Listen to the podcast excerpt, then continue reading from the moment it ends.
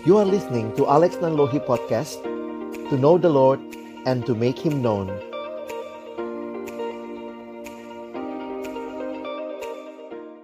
Mari teman-teman sebelum kita belajar kembali kebenaran firman Tuhan Sore hari ini mari kita berdoa. Bapa di dalam surga terima kasih banyak buat kesempatan terus diperlengkapi supaya kami juga semakin siap melayani Tuhan, melayani umat Tuhan, melayani generasi ini bagi kemuliaan namamu. Kami bersama-sama akan membuka firman-Mu, kami mohon bukalah juga hati kami, jadikanlah hati kami seperti tanah yang baik, supaya ketika benih firman Tuhan ditaburkan boleh sungguh-sungguh berakar, bertumbuh, dan berbuah nyata di dalam hidup kami. Berkati hambamu yang menyampaikan, setiap kami yang mendengar, juga diskusi di antara kami. Tuhan yang memimpin sehingga pada akhirnya kami bukan hanya menjadi pendengar-pendengar firman yang setia, tapi mampukan dengan kuasa dari rohmu yang kudus. Kami dimampukan menjadi pelaku-pelaku firman-Mu di dalam hidup kami, di dalam masa muda kami. Bersabdalah ya Tuhan, kami umatmu sedia mendengarnya. Dalam satu nama yang kudus, nama yang berkuasa, nama Tuhan kami Yesus Kristus. Kami menyerahkan pemberitaan firman-Mu. Amin. Ya, shalom teman-teman sekalian. Pertama-tama kembali bersyukur buat kesempatan ini. Sama-sama kita akan belajar hari ini tentang pemuridan bagi generasi Z ya. Nah, uh, Abang siapkan materi juga dalam slide ini. Jadi nanti kita akan sama-sama melihat uh, beberapa hal terlebih dahulu tentang pemuridan, ya. Jadi kalau teman-teman nanti memperhatikan, saya pikir dari diskusi kita kemarin ini juga terjadi uh, sebuah perubahan besar sebenarnya di dalam pelayanan, ya. Dalam pelayanan khususnya kaum muda, uh, di masa yang lalu memang kita lihat uh, generasinya generasi abang begitu ya uh, itu terbiasa dengan acara-acara yang besar dan cenderung satu arah. Pembicaranya bicara menyampaikan dari depan kita semua dengar nyatet begitu ya. Nah, tapi kalau kita kembali melihat kebutuhan generasi ini, seperti yang teman-teman kemarin juga sudah coba gali, coba yakini. Maka saya melihat sebenarnya apa yang menjadi warisan yang menarik dalam PMK, dalam pelayanan mahasiswa, kita bersyukur ya, kita punya uh, tradisi utamanya itu kelompok kecil. Tradisi di mana di dalam kelompok ini itulah yang kita juga bisa pahami kebutuhan-kebutuhan yang kemarin kita bahas itu sebenarnya bisa dengan lebih mudah, lebih mudah, lebih praktis, lebih tepat uh, dialami, ya. Jadi kalau teman-teman nanti memperhatikan, saya jadi makin makin sadar bahwa melayani generasi Z ini kita makin perlu benar-benar memfokuskan kepada kelompok kecil yang dinamis jadi bagaimana kita merindukan ada pertumbuhan dalam kelompok kecil yang yang memang e, polanya tuh menarik ya. Kelompok kecil kan tidak cuma satu arah, tapi kita terjadi diskusi dan seterusnya. Nah, karena itu saya coba memulai dengan e, meng-highlight beberapa hal apa artinya bahwa terjadi pemuridan ya. Jadi begini teman-teman kalau kita bicara kelompok kecil, saya harap kita memahaminya kelompok kecil kita adalah tujuannya pemuridan. Ada banyak gereja, banyak gerakan menyatakan juga katanya kelompok kecil. Tapi ternyata kalau lihat itu lebih bersifat seperti kelompok sharing. Ya. Nah, kita dalam pelayanan mahasiswa yang kita kembangkan sama-sama adalah pola kelompok kecil pemuridan sebenarnya seperti itu. Jadi tujuan akhir dari kelompok itu adalah menghasilkan murid. Ya, jadi saya harap kita paham itu supaya mau kalau nanti kalian kalaupun generasinya berganti nanti habis Z muncul alpha, habis alpha muncul beta, poin abang adalah kalian tidak kehilangan esensi pemuridan. Jadi tetap melihat apa saja yang dikatakan bahwa ini terjadi pemuridan. Karena logikanya bisa begini. Bisa jadi ada kelompoknya, tapi polanya tidak terjadi pemuridan. Nah, inilah yang saya coba gali dari beberapa buku dan juga saya meminjam uh, presentasi slide dari sahabat saya Bapak Johan Setiawan yang mencoba menggali secara khusus dari berbagai buku, berbagai survei, dan pengalaman kita di lapangan, maka ada tiga hal yang dikatakan terjadi pemuridan. Ada tiga uh, indikator lah ya, atau kita pakai istilah hari ini esensi pemuridan. Jadi, periksa lagi ya, periksa kelompok kecilmu seperti apa.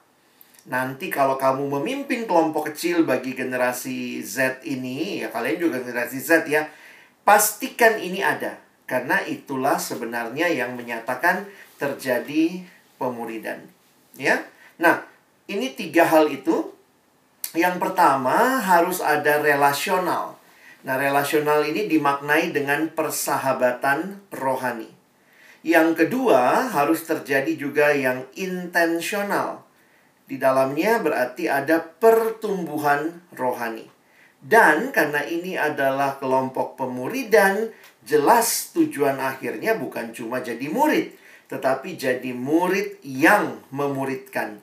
Sehingga secara bahasa uh, ini ya, bahasa kerennya tuh terjadi yang namanya pelipat gandaan rohani atau eksponensial. Jadi, teman-teman bisa kita harus uh, apa ya? Kita harus membingkai ulang pemuridan kita apakah uh, memenuhi esensi ini. Karena jangan-jangan ada kelompok kecilnya, ada KTB-nya, secara data di atas kertas ada, tapi tidak terjadi relasional, intensional, dan eksponensial. Tentu belum ada yang sempurna. Kita sedang bertumbuh terus, tetapi mari pastikan bahwa terjadi hal-hal ini, ya. Dan jangan lupa memang uh, fokus utamanya sebenarnya dalam semua kelompok adalah kehadiran Tuhan Kehadiran Tuhanlah yang memastikan terjadi perubahan, memastikan terjadi pertumbuhan, memastikan terjadi pelipat gandaan. Tetapi kita pun harus kerjakan bagian kita, ya. Jadi jangan cuma bilang, oh pokoknya nanti Tuhan berkarya bang. Pokoknya kelompokku itu pokoknya nggak saling kenal anaknya, nggak saling peduli. Tapi nanti Tuhan ubahkan. Nah itu jangan jadi seperti itu. Tuhan pasti bekerja ketika kita di dalam kesadaran dan ketaatan juga mengerjakan bagian bagian kita. Ya, nah mari kita lihat tiga hal ini secara uh, cepat ya untuk kita bisa pahami dan mengevaluasi dan mari pastikan kelompok yang akan kalian pimpin memiliki ciri seperti ini. Kita mulai dari yang pertama. Yang pertama adalah relasional. Jadi di dalam kelompok itu sebenarnya yang terjadi adalah sebuah persahabatan rohani, ya. Nah, ada kutipan yang ditulis seperti ini, community is not just about being together, bukan cuma kumpulnya sama-sama, tetapi tentang doing life together. Maksudnya tentang bersama-sama dalam menjalani kehidupan. Nah, ini beda kan ya? Kumpul belum tentu hidup bersama, ya. Tapi hidup bersama pasti butuh kumpul, ya. Sehingga itu cara berpikir yang harus teman-teman miliki. Nah, di dalam sebuah buku Disciple Shift yang ditulis oleh uh, penulisnya ini ya, kalian bisa lihat uh, Jim Putman dan Bobby Harrington dengan Bapak Robert Coleman menuliskan kalimat ini. Lebih dari sekadar kelas dan khotbah. Jadi persahabatan rohani itu bukan cuma kelas, bukan cuma khotbah. Pemuridan harus didasarkan pada persahabatan dan waktu bersama. Untuk menumbuhkan murid seperti yang Yesus lakukan, kita harus mengubah paradigma kita dari aktivitas dan relasi permukaan menjadi hubungan yang mendalam dan account, uh, akuntabel ya bahasa Indonesia-nya akuntabel atau maksudnya saling uh, bertanggung jawab ya saling sadar kita ini dalam sebuah hubungan yang menjalaninya yang dijalani bersama-sama. Jadi sekali lagi tentu kita tidak menutup hal-hal yang besar ya. Kita tidak tiadakan persekutuan besar, tidak tiadakan camp, tidak tiadakan red-red kata, tapi kemudian kita harus lihat juga bahwa inilah ketegangan yang sering kali terjadi antara public ministry sama yang sifatnya lebih kelompok atau personal ministry. Tentu harusnya seimbang. Ini bukan hal yang harus dipertentangkan. Dari mana kita pelajari itu? Lihat Tuhan Yesus. Dia melayani kelompok besar, dia melayani pribadi juga, tapi memang secara fokus dia fokus kepada sebuah kelompok yang lebih kecil, yaitu 12 murid. Nah, apa yang dimaksud dengan persahabatan rohani? Apa sih yang terjadi kalau orang itu bersahabat? Nah, secara khusus ada dua hal teman-teman ya. Yang pertama bagi saya sahabat rohani itu terjadi asih ya. Asih itu ya saling mengasihi seperti yang ditulis di Amsal 17. Seorang sahabat menaruh kasih. Nah, perhatikan kalimatnya. Bukan cuma sewaktu-waktu. Tapi menaruh kasih setiap waktu. Dan menjadi saudara dalam kesukaran. Amsal 17 ayat yang ke-17. Jadi, ini poinnya, aplikasinya begini. Kalau kelompok kecil kita itu hanya ketemu satu minggu satu kali, lalu sepanjang minggu tidak ada sebuah kasih yang diusahakan, yang saling doakan, itu belum terjadi tuh pemuridan. Jadi, uh, makanya ada yang bilang gini ya, uh, sebenarnya masa pandemi ini banyak keuntungan juga ya karena kita kayak terbiasa setiap hari mungkin menyapa, kita buat grup, kita bisa chatting, kita bisa video call. Sebenarnya uh, kelompok kecil yang kayaknya dulu cuman seperti les gitu ya, saya datang les satu minggu satu kali, ini makin bisa kita nikmati sebagai sebuah persahabatan yang mengasihi satu sama lain. Di dalam pembahasannya, buku-buku ini mengingatkan begini. Bukan cuma seminggu sekali kumpul, belajar materi, selesai. Tetapi persahabatan rohani terjadi ketika ketika hari biasa saya lagi jalani hari ini. Saya memikirkan adik-adik rohani saya. Saya mendoakan mereka. Nah, sebenarnya dan alangkah indahnya kalau mungkin awalnya memang dimulai sama pemimpin, tetapi kemudian akhirnya menjadi bagian di mana semua anggota bukan hanya seminggu sekali pikirin temennya, tapi benar-benar setiap waktu dalam perjalanan bersama ini saling mendoakan, saling mengasah, saling mengasihi gitu ya. Nah, ini yang perlu terjadi ya. Ini yang masalah asih ya. Jadi setiap waktunya itu yang penting. Lalu yang kedua, Sahabat rohani juga kalau tadi asih sekarang asah. Besi menajamkan besi, orang menajamkan sesamanya. Nah, menarik juga di dalam buku eh, di dalam terjemahan NLT New Living Translation, salah satu terjemahan Alkitab berbahasa Inggris, dia menggunakan istilah orang di situ. Lihat terjemahannya ya. As iron sharpens iron, so a friend sharpens a friend. Jadi bukan saling mengasihi saja ya, tapi juga terjadi saling mengasah. Di dalamnya karakter kita semakin bertumbuh, pemahaman kita kita sama-sama belajar, ada pemimpin yang mengajarkan, ada sesama anggota yang saling mengasah dan saya pikir uh, harusnya terjadi seperti itu. Jadi balik lagi bukan cuma kelompok asal ngumpul, sekarang kan kayaknya gitu ya kumpul foto sama-sama. Tapi sebenarnya setiap minggu sepanjang hari juga nggak saling memikirkan tuh nggak saling mendoakan. Kira-kira seperti itu ya. Nah tentu tidak ada kelompok yang langsung sempurna ya secara esensi relasionalnya. Ini harus diusahakan harus dibangun. Dan jangan takut mungkin kamu bilang ih kayaknya kayaknya nggak banget deh bang Masa mesti begitu kali gitu ya? Padahal kalau lihat kemarin ya, waktu saya perhatikan, wah beberapa orang menulis karakteristik generasi ini kepo. Ya kenapa kita nggak ubah keponya itu menjadi doa? Nah di balik kepo itu ada kebutuhan apa sih? Ada kebutuhan untuk tahu pergumulan orang, tapi mungkin sekedar gosipin, sekedar tahu. Karena sekarang banyak infotainment, kita tahu hidup artis ini, tahu hidup artis itu. Nah, kita yang jadi keponya itu kita ubah begitu ya. Menjadi kepo yang mendoakan, kepo yang menolong, yang membantu, bukan cuma melihat semata-mata. Dan karena itu teman-teman sebagai seorang pemimpin kelompok mungkin, atau sebagai sahabat anggota kelompok, kalian harusnya sama-sama membangun hal ini, ya.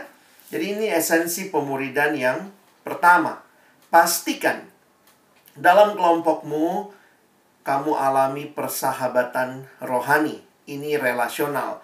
Yang kedua, kita bicara intensional. Maksudnya apa sih intensional? Sebenarnya secara sederhana, intensional itu seperti Tuhan Yesus waktu Tuhan Yesus datang ke dalam dunia, dia memanggil murid-muridnya, kalimatnya jelas. Coba kalau abang nanya, Dek, dek, ayo dong ikut abang. Kamu nanyanya apa? Mau ke mana kan? Gitu ya. Mau ke mana bang? Ayo ikut. Kalau saya bilang, ayo dek ikut. Kamu pasti nanya, mau ke mana bang? Nah, Tuhan Yesus di awal jelas tujuannya. Dia berkata kepada murid-muridnya, mari ikutlah aku. Tujuannya apa? kamu akan kujadikan penjala manusia. Tuhan Yesus jelas, paling tidak di benaknya ada tujuan yang dia rindukan, yang dia doakan, yang dia gumulkan, yang dia usahakan untuk orang-orang yang dia pimpin. Melayani generasi yang katanya banyak apa ya, banyak distraksinya. Kadang-kadang tujuan tuh jadi nggak jelas memang juga kadang-kadang gitu ya uh, ini generasi yang pragmatis disuruh komitmen nggak mau kayaknya sulit ambil komitmen. Tapi kalau kita tahu bahwa mereka membutuhkan pertumbuhan rohani maka kita harusnya berjuang. Kita harusnya bisa berusaha untuk menolong merindukan mereka supaya mereka benar-benar mengalami pertumbuhan itu. Nah ini yang disebut sebagai intensional intensional itu berarti disengaja. Jadi ini bukan kelompok kumpul-kumpul tujuannya apa? Kumpul-kumpul aja. Ya udah nanti gimana ya pokoknya kita kumpul-kumpul aja dulu. Bukan demikian. Ada tujuan. Nah, saya mengutip kalimat dari Edmund Chan dalam bukunya A Certain Kind. Dia mengkategorikan pemuridan yang intensional yang dia katakan ini sekarang banyak hilang di kelompok-kelompok. Jadi kelompok cuma ketemu Apalagi kalau cuma program supaya nanti dicek sama seksi kelompok kecil oh ada programnya, ada kelompoknya, ada laporannya. Tapi kalau ditanya ini kelompok apa? Nah, yang paling penting sebenarnya pemimpinnya harus tahu mau ke mana. Ya, jadi pemuridan yang intensional yaitu proses membawa orang ke dalam hubungan yang dipulihkan dengan Tuhan dan membina mereka menuju kedewasaan penuh dalam Kristus. Nah, ini poinnya bukan cuma saya mau dia bertumbuh, tapi yang dimaksud dengan intensional menurut Edmund Chan dan saya pikir juga di perkantas kita sama pemahamannya punya rencana pertumbuhan yang jelas. Ya paling tidak kalau di kita ada kurikulum, ada bahan, ya. Ada bahan, ada kurikulum yang di dalamnya kita rindu nih orang ini waktu dia ngerti ini nanti dia belajar ini lagi nanti dia bertumbuh lagi nanti dia lakukan ini nanti dia dipercayakan pelayanan ini jadi paling tidak ada rencana pertumbuhan yang intensional sehingga perhatikan bukan cuma orang itu bertumbuh Nah ini lihat ya, pemuridan yang dimaksud ini ini kaitan sama eksponensial juga. Sehingga mereka mampu juga melipat gandakan keseluruhan proses ini kepada orang lain. Jadi uh, mesti dipahami nih ya, kita mesti merindukan hal seperti ini terjadi. Jelas nih, kalau kamu jadi pemimpin kelompok, ya mungkin sih kita pertemuannya bisa sangat fleksibel, cair gitu ya. Beberapa kali saya juga bilang sama pemimpin kelompok kecil sekarang, mungkin agak beda dengan generasi saya. Kami di kelompok kecilin dikasih bahan apa, iya-iya aja ya. Sekarang bisa jadi mungkin pemimpin yang nawarin. Ayo dek, mau belajar apa? Mungkin ada yang diajarin di awal, tapi kemudian sambil jalan juga kita terbuka kepada materi yang mungkin dia butuhkan.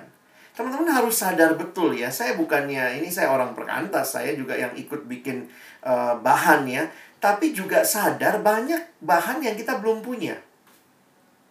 Kita punyanya MHB. kita nggak punya bahan tentang pornografi secara khusus.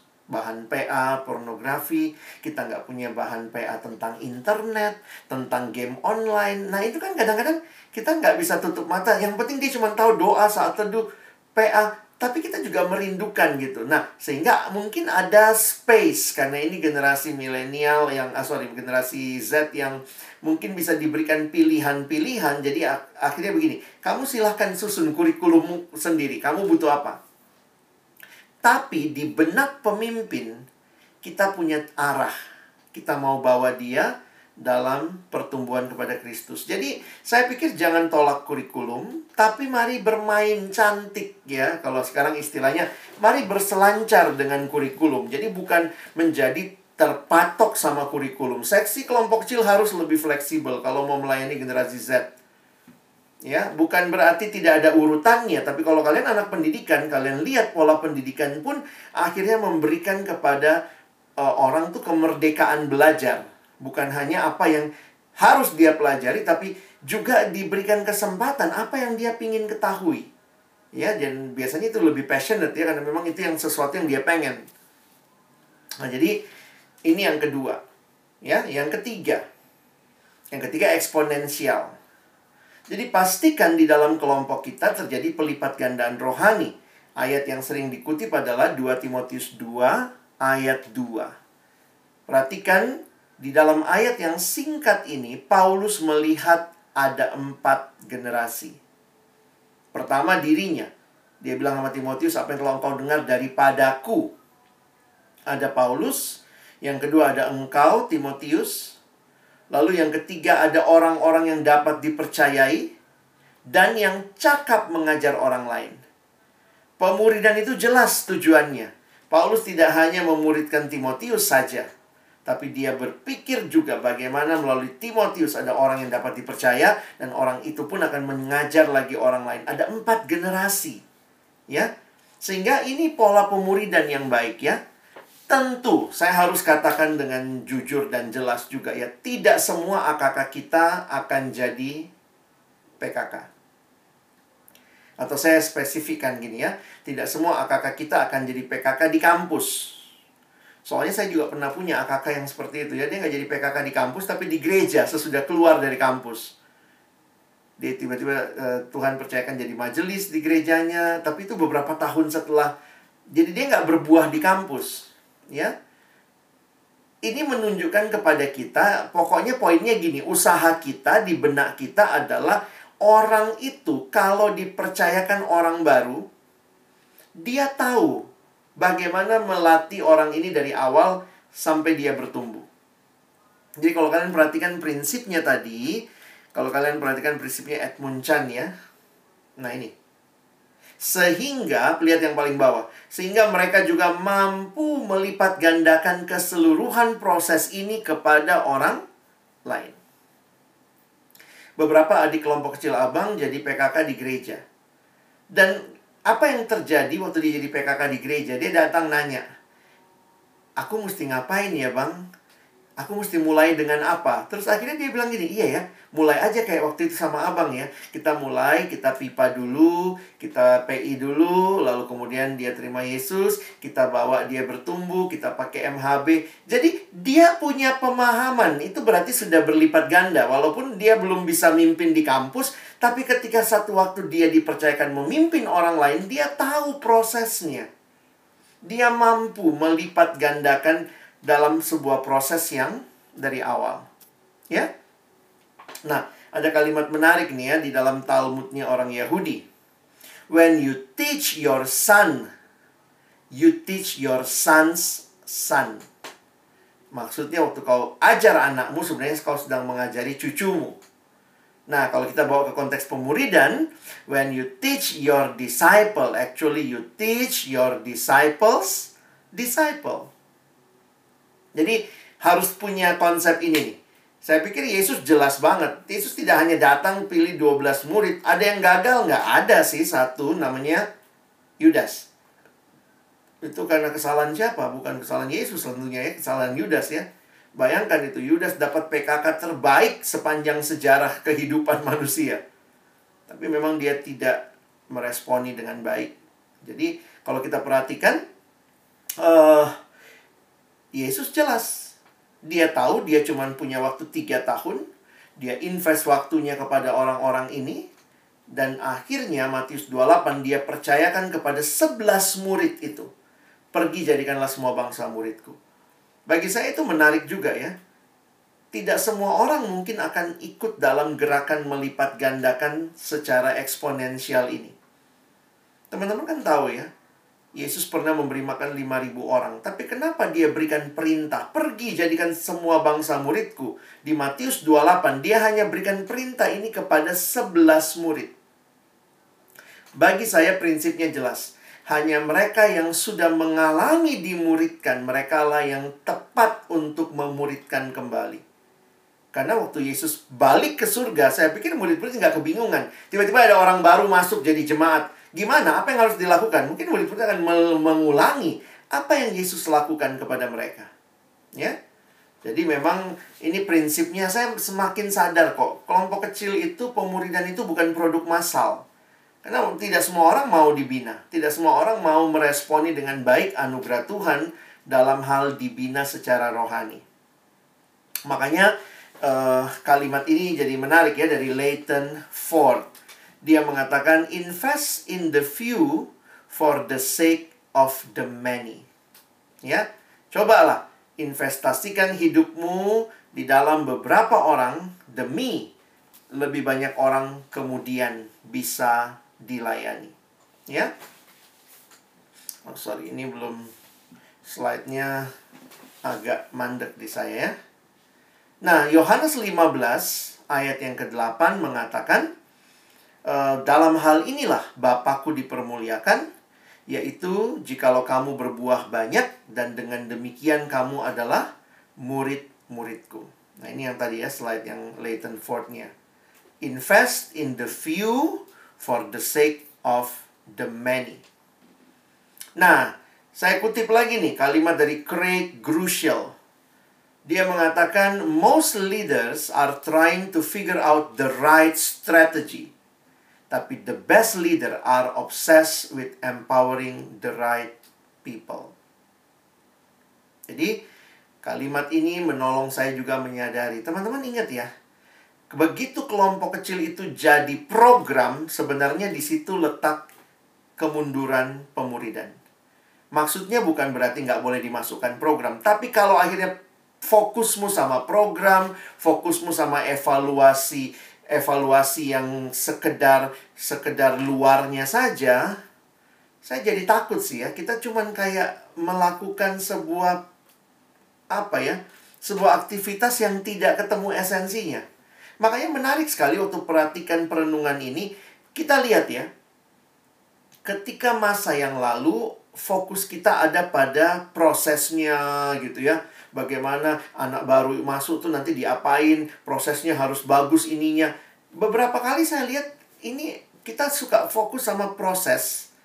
Bagus sih prosesnya, tapi kadang-kadang kita jadi lupa kepada individu yang lagi dalam proses itu. Bersyukur juga sebenarnya dengan pandemi ini ya. Pandemi ini mengubah banyak hal dan membuat kita jadi sadar yang penting itu apa.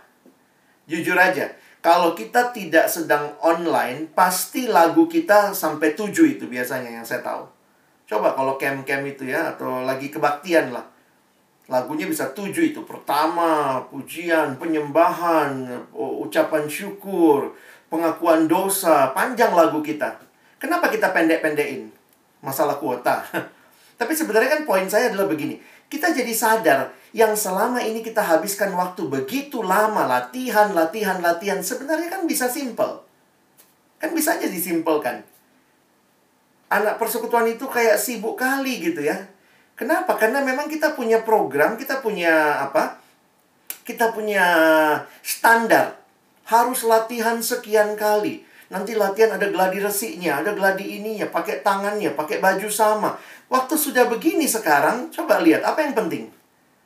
Yang kalian kasih waktu banyak apa? Ya firman juga kan, kami juga yang jadi pembicara ya.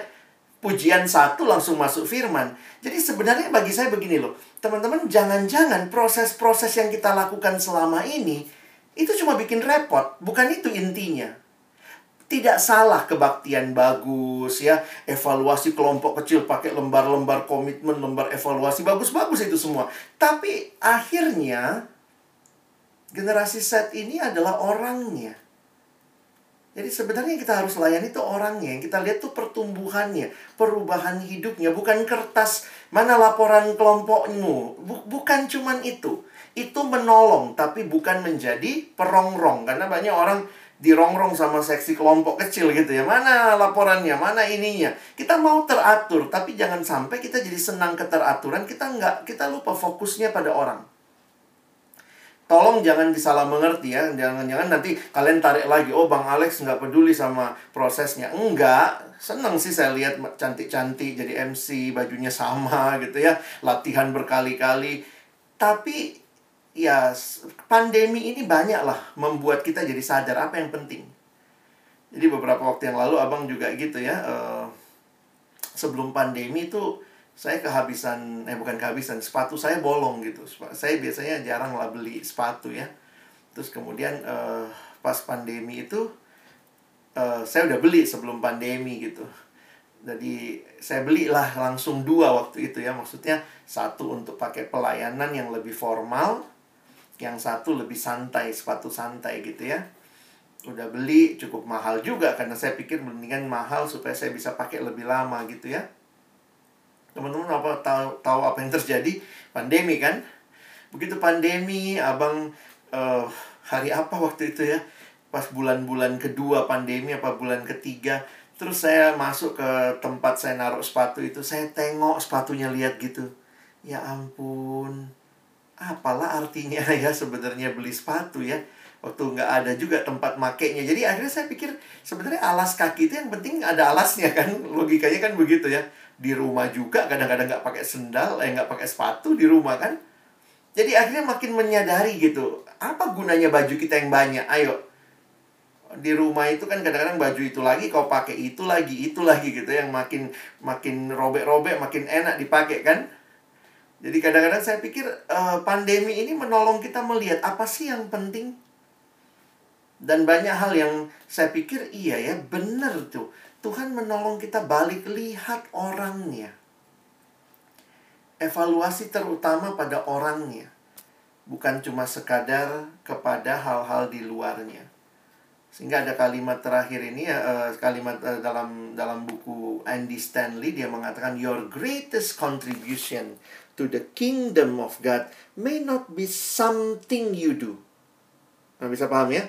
Bukan apa yang kau lakukan jadi MC gitu ya uh, jadi pemusik, jadi apalah penyambut tamu di persekutuan. Maksudnya dia begini, itu penting pasti. Tapi jauh lebih penting adalah pikirkan someone you raise, siapa yang kau muridkan, siapa yang kau bangun hidupnya. Sehingga sebenarnya kalimat ini memberikan refleksi kepada saya begini. Jangan habiskan waktu. Jadi gini ya, kalau logikanya begini. Kalau gara-gara latihan musik kau nggak bisa kelompok, maka batalkan latihan musiknya. Kelompok yang diutamakan. Bisa paham ya? Jadi kadang-kadang kan kita gitu ya, latihan musik bisa berkali-kali. Cari waktu kelompok kecil aja susah setengah mati. Ini masalahnya apa nih? Bisa jadi salah salah strategi kan? Jadi saya jujur aja katakan, kalau itu bikin kamu nggak bisa kelompok, bubarkan latihan musiknya. Nggak apa-apa kebaktian nggak pakai musik panjang-panjang. Sekarang juga nggak pakai kok. Kadang-kadang putar aja lagu-lagu bangsa galat tadi. Kan ada tuh di, play aja gitu ya. Sehingga ini poinnya adalah hati-hati. Generasi ini kan makin sibuk. Nah kalau kita pun tidak menyederhanakan pelayanan kita jangan-jangan nanti orang memilih yang tampil di depan karena tampil di depan itu indah indah dilihat orang dipuji orang dievaluasi kamu membangun kelompok kecil, siapa yang apresiasi kamu? Seksi kelompok kecil pun kadang merongrong, bukannya mengapresiasi gitu ya. Jadi saya harus katakan, uh, mari belajar untuk menyeimbangkan ya. Jadi ingat, relasional. Yang kedua, terjadi pertumbuhan rohani yang intensional. Dan yang ketiga, terjadi pelipat gandaan. Ya, Nah, buku yang ditulis oleh Grant Skeldon, dia seorang pendeta milenial ya Kalau lihat tampangnya, gayanya gitu ya, dengan tatonya dia, dia menulis buku The Passion Generation. Nah, buku ini uh, sudah diterjemahkan oleh Perkantas. Kita menerjemahkannya dengan judul Generasi Penuh Hasrat. Nah, e, memang dia menulisnya dalam konteks milenial ya karena memang banyak milenial juga dalam gereja yang dia temui dan dia mengkategorikan dirinya sendiri ya. Grant Skeldon pun adalah pendeta milenial. Dia mungkin baru umur 30-an kali ya, baru baru ulang tahun 30 tahun lalu kalau saya nggak salah. Nah, bagi saya yang menarik adalah bagaimana dia menganalisa masalah di dalam gereja yang sering kali kaitkan dengan wah anak mudanya begini nih, anak mudanya begitu, anak mudanya begini. Nah, tesis yang dia sampaikan dalam buku ini ini tesisnya ya. Sorry, slide-mu belum ganti itu ya. Bentar. Jadi uh, kalimat yang dia sampaikan dalam dalam tulisannya, dia bilang the church doesn't have a millennial problem. Tapi masalahnya adalah it has a discipleship problem. Jadi poinnya dia sebenarnya menarik. Dia bilang begini, nanti habis milenial datang lagi generasi baru. Habis generasi ya yang kita lagi bicarakan ya, habis milenial kan ada Z. Habis Z nanti datang lagi alpha. Habis alpha nanti datang lagi beta. Nah, dia bilang, kalau orang kalau gereja selalu bilang aduh ini orang muda masalah nggak ada sopan santunnya susah sekali diarahkan dia katakan loh jika demikian apa yang harusnya gereja lakukan ayo muridkan setiap generasi nah itu asum uh, tesis yang dia bangun dalam bukunya karena dia bilang sekarang kita bilang namanya milenial. Nanti besok yang masuk namanya Gen Z misalnya. Nanti besoknya lagi yang masuk namanya Gen Gen Alpha. Kita kan selalu bilang, ih ini masalah, ini masalah. Setiap kali lihat generasi ini masalah. Bayangkan kalau gereja selalu lihat orang muda, itu masalah. Itu masalah. Mau bagaimana melayaninya? Sehingga dia mengatakan sebenarnya masalah utamanya adalah tidak adanya pemuridan. Ya, The church doesn't have a millennial problem. It has a discipleship problem. Karena itu dia menawarkan dalam bukunya ini ya. Bagi saya yang dia tawarkan menarik tuh. Pengalaman atau sorry, pemahaman yang lebih utuh tentang pemuridan. Ya. E, di bagian awal bukunya, teman-teman, si Grant Skeldon ini e, memasukkan beberapa karikatur wajah dan orang-orang ini adalah dia katakan inilah yang sebenarnya memuridkan dia. Jadi dia berkata sederhananya teriakan dia karena dia nulis buku ini untuk dua generasi ya. Dia tulis untuk yang tua dan dia juga tulis untuk yang muda. Jadi dia jadi jembatan antara orang tua dengan yang milenial. Dia bilang sama yang tua, kalau kamu tidak suka dengan kami, kamu tidak suka cara kami, kamu tidak suka pola kami, jangan lupa loh kami ini anak-anakmu. Ayolah muridkan kami. Supaya kami tahu bagaimana seharusnya hidup seperti yang kalian harapkan. Kira-kira begitu. Sementara kepada orang muda, sesama generasinya dia, dia bilang, ayolah kita beri diri kita di dimuridkan. Jadi dia berdiri di dalam dua uh, ini ya sebagai jembatan untuk mengingatkan bahwa ini generasi yang perlu dimuridkan oleh generasi sebelumnya. Nah, di dalam pelayanan mahasiswa saya pikirkan ya setiap generasi yang masuk ya kita muridkan ya. Memang mungkin nggak bisa semuanya atau nggak semua orang juga ditawarkan mau ikut. Tapi kiranya kita nggak kehilangan esensi ini. Generasi boleh berganti, tapi terus terjadi pemuridan. Nah, di bagian bukunya ini dia menjelaskan perbedaan ya antara apa itu mentorship apa itu acara-acara gereja dan apa itu pemuridan. Bagi saya menarik cara pikirnya. Dia menuliskan begini. Kalau mentorship itu itu adalah come and meet with me. Datang dan ketemu saya. Kalau acara gereja sebagian besar itu come and listen to me. Coba datang ke gereja gitu ya. Ada acara apa? Seminar. Ya udah datang dengerin saya gitu kan Nah, jujur waktu abang renungkan ini, saya mikir-mikir juga loh, jangan-jangan kelompok kecil kita tuh mentorship ya. Kayak les. Kalian pernah nggak punya anak les? Datang seminggu sekali, belajar, ada bukunya. Kita belajar sama-sama ya, dua jam, siap itu selesai, udah. Nanti datang lagi minggu depan. Bisa jadi kalau kita nggak usahakan lebih, kelompok kecil kita cuma mentorship. Yang terjadi koneksinya ya seminggu sekali waktu ketemu. Tapi waktu nggak ketemu.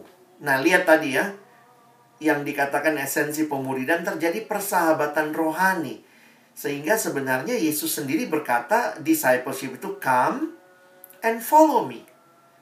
Nah memang ini hidup bersama, tapi kan sekarang ada nggak ya PKK yang satu kos sama AKK-nya? Ada pasti ya, tapi kan nggak banyak. Tapi sebenarnya melalui teknologi, walaupun kita satu minggu sekali kelompok formalnya, tapi sepanjang minggu kita bisa mengupayakan terjadi persahabatan itu. Sehingga benar-benar terjadi seperti yang Yesus dengan muridnya. Walaupun dalam keterbatasan kita dengan teknologi, kita bisa come and follow me. Nah, saya pikir uh, itu yang teman-teman dan saya harus perjuangkan harus usahakan di tengah-tengah generasi yang kita lihat makin butuh kedekatan. Tapi juga kita sadar bahwa eh, teknologi bisa menjauhkan, tapi juga saya pikir mari pakai mendekatkan.